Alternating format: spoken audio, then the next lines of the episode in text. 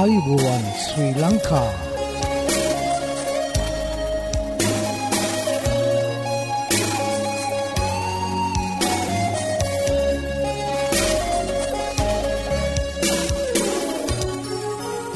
ඔබට සුපදවස මේ Adventist world radio බලාපොරොත්වය හඬ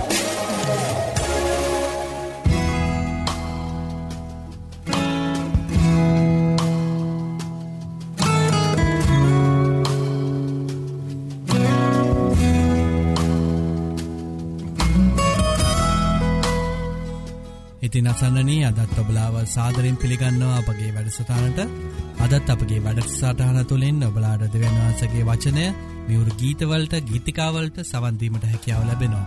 ඉතිං මතක් කරන්න කැමති මෙම වැඩසටාන ගෙනෙන්නේ ශ්‍රී ලංකා 7ඩ ඇඩවෙන්ටිස් කිතුුණු සභාව විසින් බව ඔබලාඩ මතක් කරන්න කැමති. ඉතින් ප්‍රැදිී සිටින්න අප සමඟ මේ බලාපොරොත්තුවය හඬයි. බයිබල්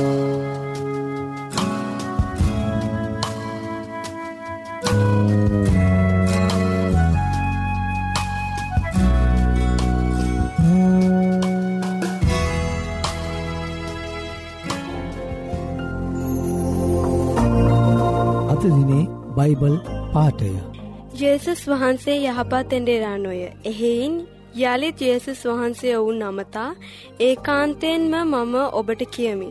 බැට්ලුවන්ට දොරටුව මමය. මට පළමුුව ආසියල්ලෝම සොරුද කොල්ල කන්නෝද වෙති. බැටලුවෝ ඔවුන්ට ඇහුම්කන් නුදුන්හ.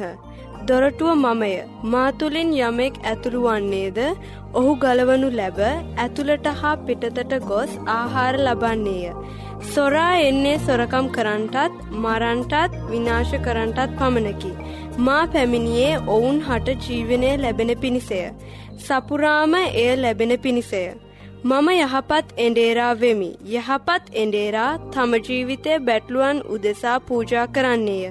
එඩේරකු නොවන එසේම බැට්ලුවන්ගේ අයිතිකාරයාද නොවන කුලීකාරයා වෘර්කයා එනු දැක බැට්ලුවන් හැරදමා පලා යන්නේය. වෘර්කයාද උන් වෙත කඩා පැන විසිරුවා හරින්නේය. ඔහු පලා යන්නේ ඔහු කුලීකාරයකු වන නිසාත් බැට්ලුවන් ගැන සැලකිල්ලක් ඔහුට නැති නිසාත්ය. මම යහපත් බැට්ලු එන්ඩේරා වෙමි. මම මාගේ බැට්ලුවන් අඳුනමි. ඔහු හූද මා අඳුනති. පියාණන් වහන්සේ මාද මා පියාණන් වහන්සේද අඳුනන්නාක් මෙන් මම මාගේ බැට්ලුවන් අඳුනමි. බැට්ලුවන් උදෙසා මාගේ දිවි පුදමි. තවද මේ රැලට අයිති නොවූ අන් බැට්ලුවෝද මට ඇත්තාහ. මා ඔවුන්ද ගෙන ආයුතුය. ඔවුන් මාගේ හඬට ඇහුම්කන් දෙති. මෙසේ එක රැලක්ද එක එඩේරෙක්ද වන්නාහ. ශුද්ධ වූ යොහන් දහවෙනි පරිච්ෂයතේ හත්වන පදේ සිට දාසවෙනි පදය දක්වා.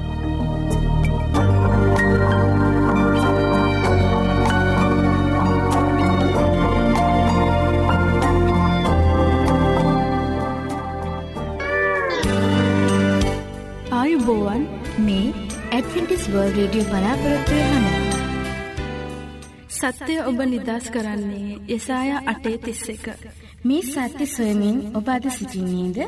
එසේ නම් ඔබට අපගේ සේවීම් පිදින නොමලි බයිබල් පාඩම් මාලාවට අදමැතුල්වන්. මෙන්න අපගේ ලිපිනය ඇඩවෙන්ටිස්වල් රේඩියෝ බලාපොරොත්තුවය හඬ තැපැල් පෙටිය නම සේපා කොළඹ තුන්න.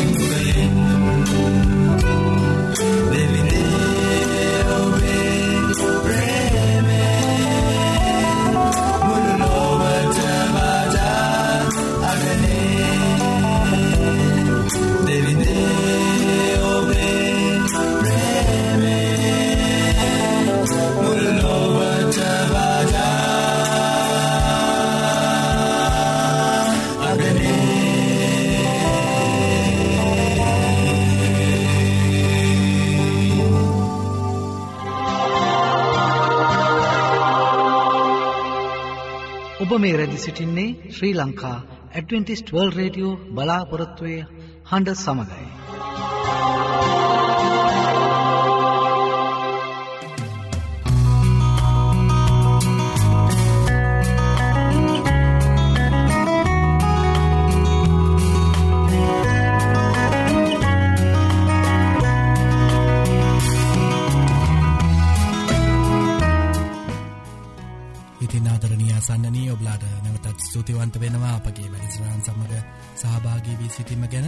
අද දවසේ ඔබලාට දෙවියන් වහන්සේගේ වචනය ගෙනීමට පැමිණ ඇත්තේ ගෝපිනාත් දේවගැතිතුමා.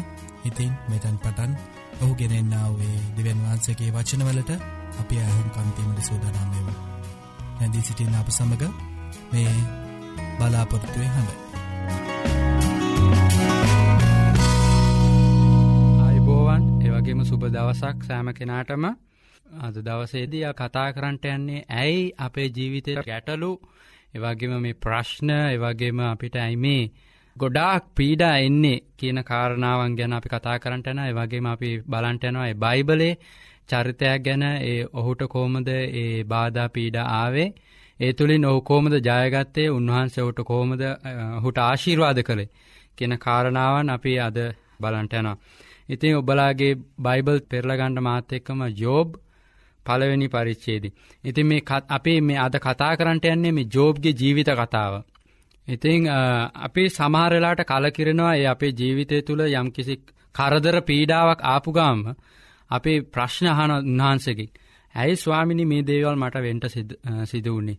ඇයි මෙච්චර දෙයක් මට සිදුවන ඇයි මගේ පවුලට මෙහෙම දෙයක් සිදුවනේ එමනත්තම් මගේ සමාජයට ඇයි මෙහෙම දෙයක් සිදුවන්නේ එමනත්තං අහනවා ඇයි මගේ සෞදර සෞදරය මගේ ආචිසියට මේ වගේ තර්ජනයක් සිදුවනේ කියන කාරණාව අපි බොහ අවස්ථාවලදී අහනවා. ඒවගේම අපි අහනවා උන්වහන්සේ බලවත්නම් උන්වහන්සේට හැම දෙයක්ම කරන්ට පුළුවන්නම් උන්වහන්සේට හැම දෙයක්ම පේනවන ඇයි මේ වගේ පීඩාවන් අපේ ජීවිත තුළට එන්ට දුන්නේ?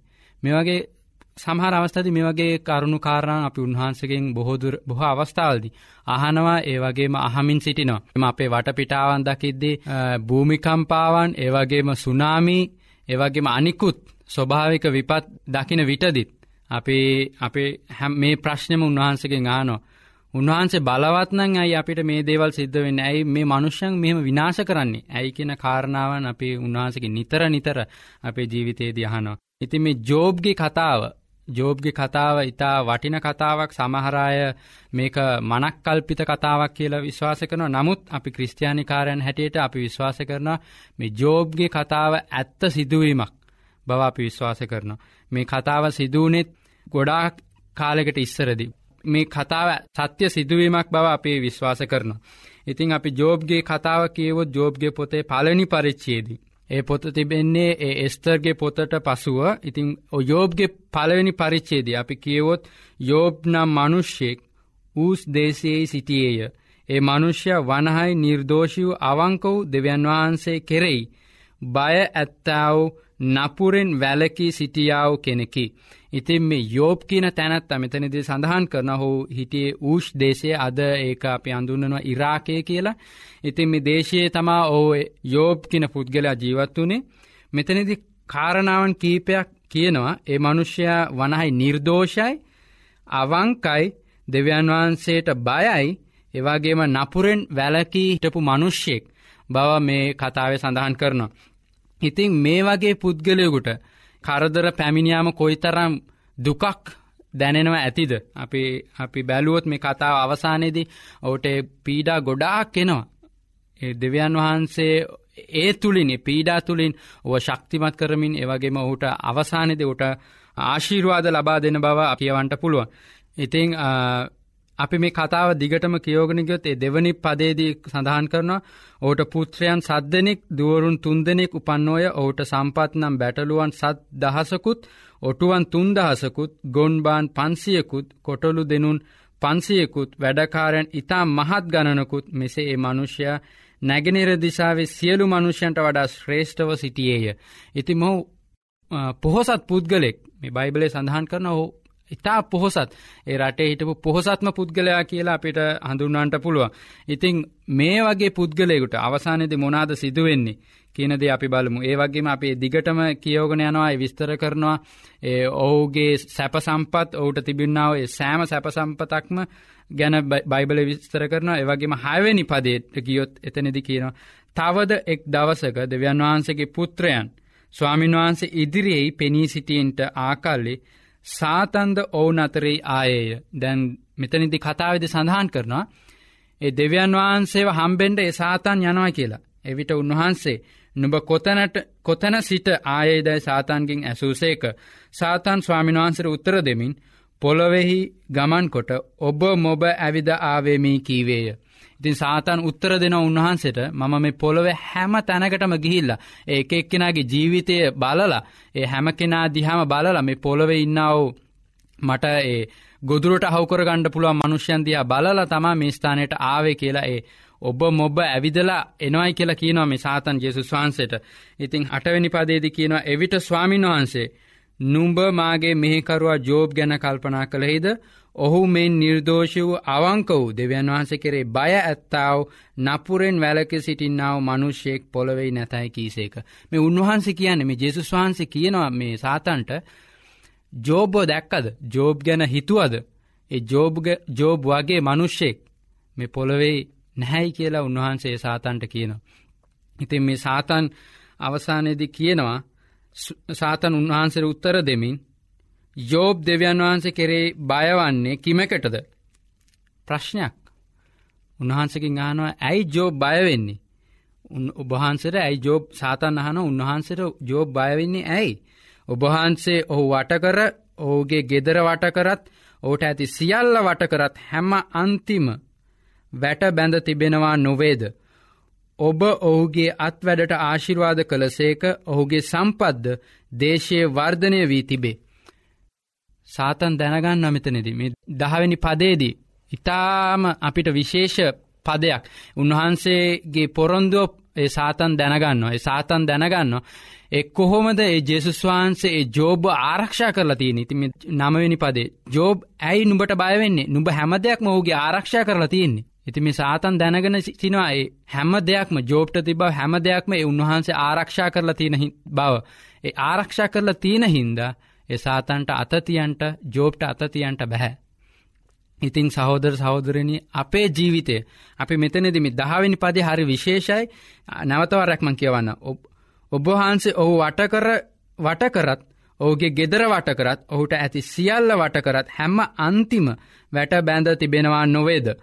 ඔබ ඔහුගේ අත් වැඩට ආශිර්වාද කළසේක ඔහුගේ සම්පද්ද දේශයේ වර්ධනය වී තිබේ. උන්වහන්සේ හැම දෙයක්ම ආරක්ෂා කරලති නවා ඉතින් සහෝද සහෝදරණි අපි මතක තබාගට යුතු කාරණාවත්තම උන්වහන්සේ අපේ සෑම දෙයක්ම ආරක්ෂා කරලා තියනවා එවගේම අපේ වටේ සිටින්නාව සෑම කෙනාම ආරක්ෂා කරලා තියනවා ඉතිං අපිව උන්වහන්සේ ආරක්ෂා කරලා තියෙනවානම් ඇයි අපි බයවී යුත්තේ. ඇයි අපි අපේ ජීවිතට එන්නව ප්‍රශ්න ගැන බයවිය යුත්තේ. උන්වහන්සේ අපි ආරක්ෂා කළ තින.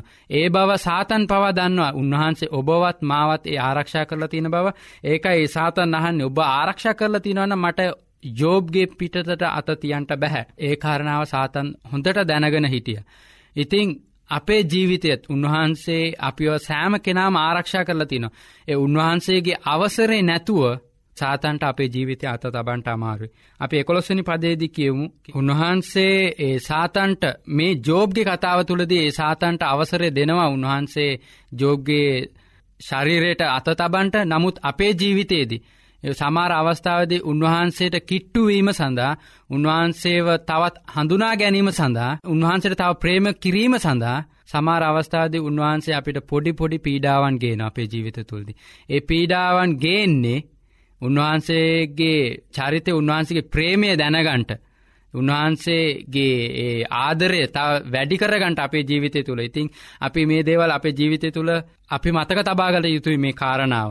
ඉතින් ඉකොලොස්සනි පදේදි කියන නමුත් ඔබගේ අත දිගු කර ඔහුට ඇති සියල්ල ගැසුවොත් ඔ ඔබගේ මුහුණ ඉදිරීම ඔබ අතාරිනවා ඇතයි කීවේය. ඉති මේ සාතන් කියනවා ඔබ ජෝබ්ගේ අත් තියෙන්නාව සෑම දෙයක්ම ඉවත්කරොත් ඔබගේ ආරක්ෂාව ඔබගේ ආශිර්වාදය සෑම දෙයක්ම ඉවත්කරොත් ජෝබ් ඔබගෙන් වෙන්වෙනවායි කියලා මෙ සාතන් කියනවා. නමුත් මේ අවස්ථාවද උන්වහන්සේ කියනවා එවිට ස්වාමිනාන්ස සාතන්ට කතාකොට බලව ඔහුට ඇති සියල්ල නුඹ අත යටතේය නමුත් ඔහුට විරුද්ධව නම් නුඹේ අත දිගු නොකරන්නයි කීසේක සාතන් ස්වාමින්වහන්සේ ඉදිරියේ පිටතට ගියෝය. ඉති මේ කතාවෙදී ඒ උන්වහන්සේ අවසරය දෙනවා සාතන්ට හේතුව උන්වහන්සේ දැනං හිටිය කවුරු මොනාකරත් ජෝබ් කොච්චර ඒ ආරක්ෂාව නැතුව ගියත් ඔහුගේ ආශිර්වාදය නැතුව ගියත් ඒ ජෝබ් හැමදාමත් ඒ ජෙවියන් වහන්සට උන්වහන්සට ආදරය කරන බව උන්වහන්සේ දැනං හිටිය. ඒ හේතුව නිසාමයි ඒ ජෙසුස් වහන්සේ ඒ සාතන්ට අවසරේ දුන්නේ ඒ ජෝබ් ජෝබ්ව ගිහිල්ලා පරීක්ෂා කරන්නට.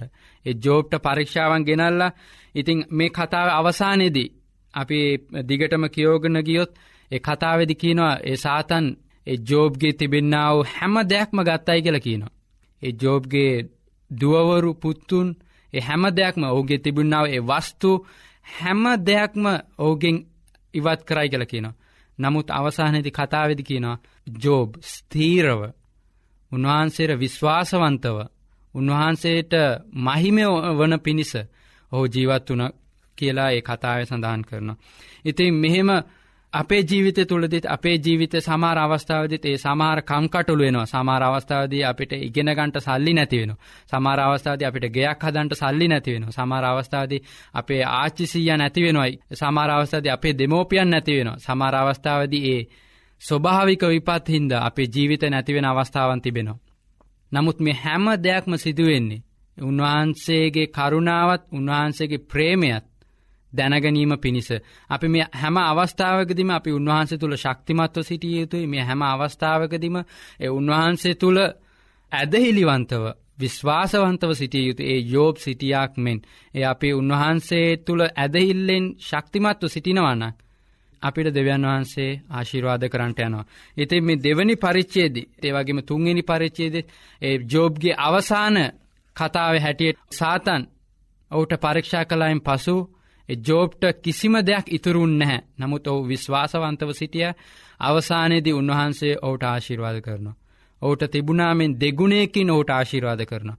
අපේ ජීවිතයේදත් උන්වහන්සේ අපිට ආශිර්වාද කරන්නට යනවා අපිට දෙගුණයකින් ආශිර්වාද කරන්නට යනවා අපි උන්වහන්සේ තුළ ඇදහිලිවන්තව. අපි උන්වහන්සේ තුළ ශක්තිමත්ව උන්වහන්සේ විශ්වාස කරනවනම් ඒ ජෝබ් හිටියාක්මෙන් අපි උන්වහන්සේ විශ්වාස කරන්නට යනවනම් උන්වහන්සේ අපිට දෙගුණ තෙගුණ අපිට ආශිර්වාද කරන්නට යනවා. ඉතින් අපි හැම මොහොතකෙදම උන්වහන්සේට විශ්වාසවන්ත උන්වහන්සේට ඇදහිලිවන්තව අපි ජීවත්වයමු එසේ කරන්ට උන්වහන්සේගේ ආශිර්වාදය උන්වහන්සේගේ මඟ පෙන්ව අපි සෑම කෙනාටම ලැබෙනවා ඒවගේම පොරොන්දුව මතක තබාගන්ට ජෝබ් එකේ දාය අපි සෑම කෙනාවම උන්වහන්සේ ආරක්ෂා කරලා තිනවා ඒ අපි සෑම කෙනාටම උන්වහන්සේගේ ආශීර්වාදය ලවාදීලා තිනවා ඒම නිසා කාටවත් අපේ ජීවිතයට අත තබන්ට අමාරුයි. අපිට පරීක්ෂාවක් එනවනම් ඒ එන්නේ උන්වහන්සට තවත් ලංවෙන්ටත් උන්වහන්සේව තවත් දැන හඳුනගන් පිණිසය. ඉතිං අපිට මොනතරම් බාධාවත් මොනතරම් ප්‍රශ්නාවත් අපි උන්වහන්සේ තුළ ශක්තිමත්ව ඇදෙලිවන්තව අපි ජීවත්වමු. එසේ කරන්ට දෙවන් වහන්සේගේ ආශිර්වාදය ඔබටත් මටත් සෑම කෙනාටමත් ලැබෙන්ට ප්‍රාර්ථනා කරමි. අපි ආඥා කරමු. අහසත් පොළොවත්මා පාලනය කරන්නාව පියාණනී උභහන්සේ එගේ වචන නිසා ස්තුතියි ස්වාමිනි ස්වාමිනී ඒ අපි විශ්වාස කරන ඔබහන්සේ අපි ආරක්ෂා කරන බවත් ඔබහන්සේ අප තුළ සිටින බවත් ඔබහන්සේ අපට ආශීර්වාද කරන බවත් අපි විශ්වාස කරනවා ඒ ජෝබ්ට ආශීර්වාද කලාක්මෙන් බහන්සේ අපටත් ආශීර්වාද කරන බව අපි විශ්වාස කරන ස්වාමිනි ස්වාමිනි උභහන්සේ අපි ඇදහිලිවන්තව උභහන්සේට විශ්වාසවන්තව අපි ජීවත්තෙන්ට අපි සෑම කෙනට මුදාව කරමෙන. මේ යාඥාව භාර කරන අපේ ජීවිත බහන්සර භාර කරන නාසරේ ජෙසුගේ උතුමුණ ආමෙන්.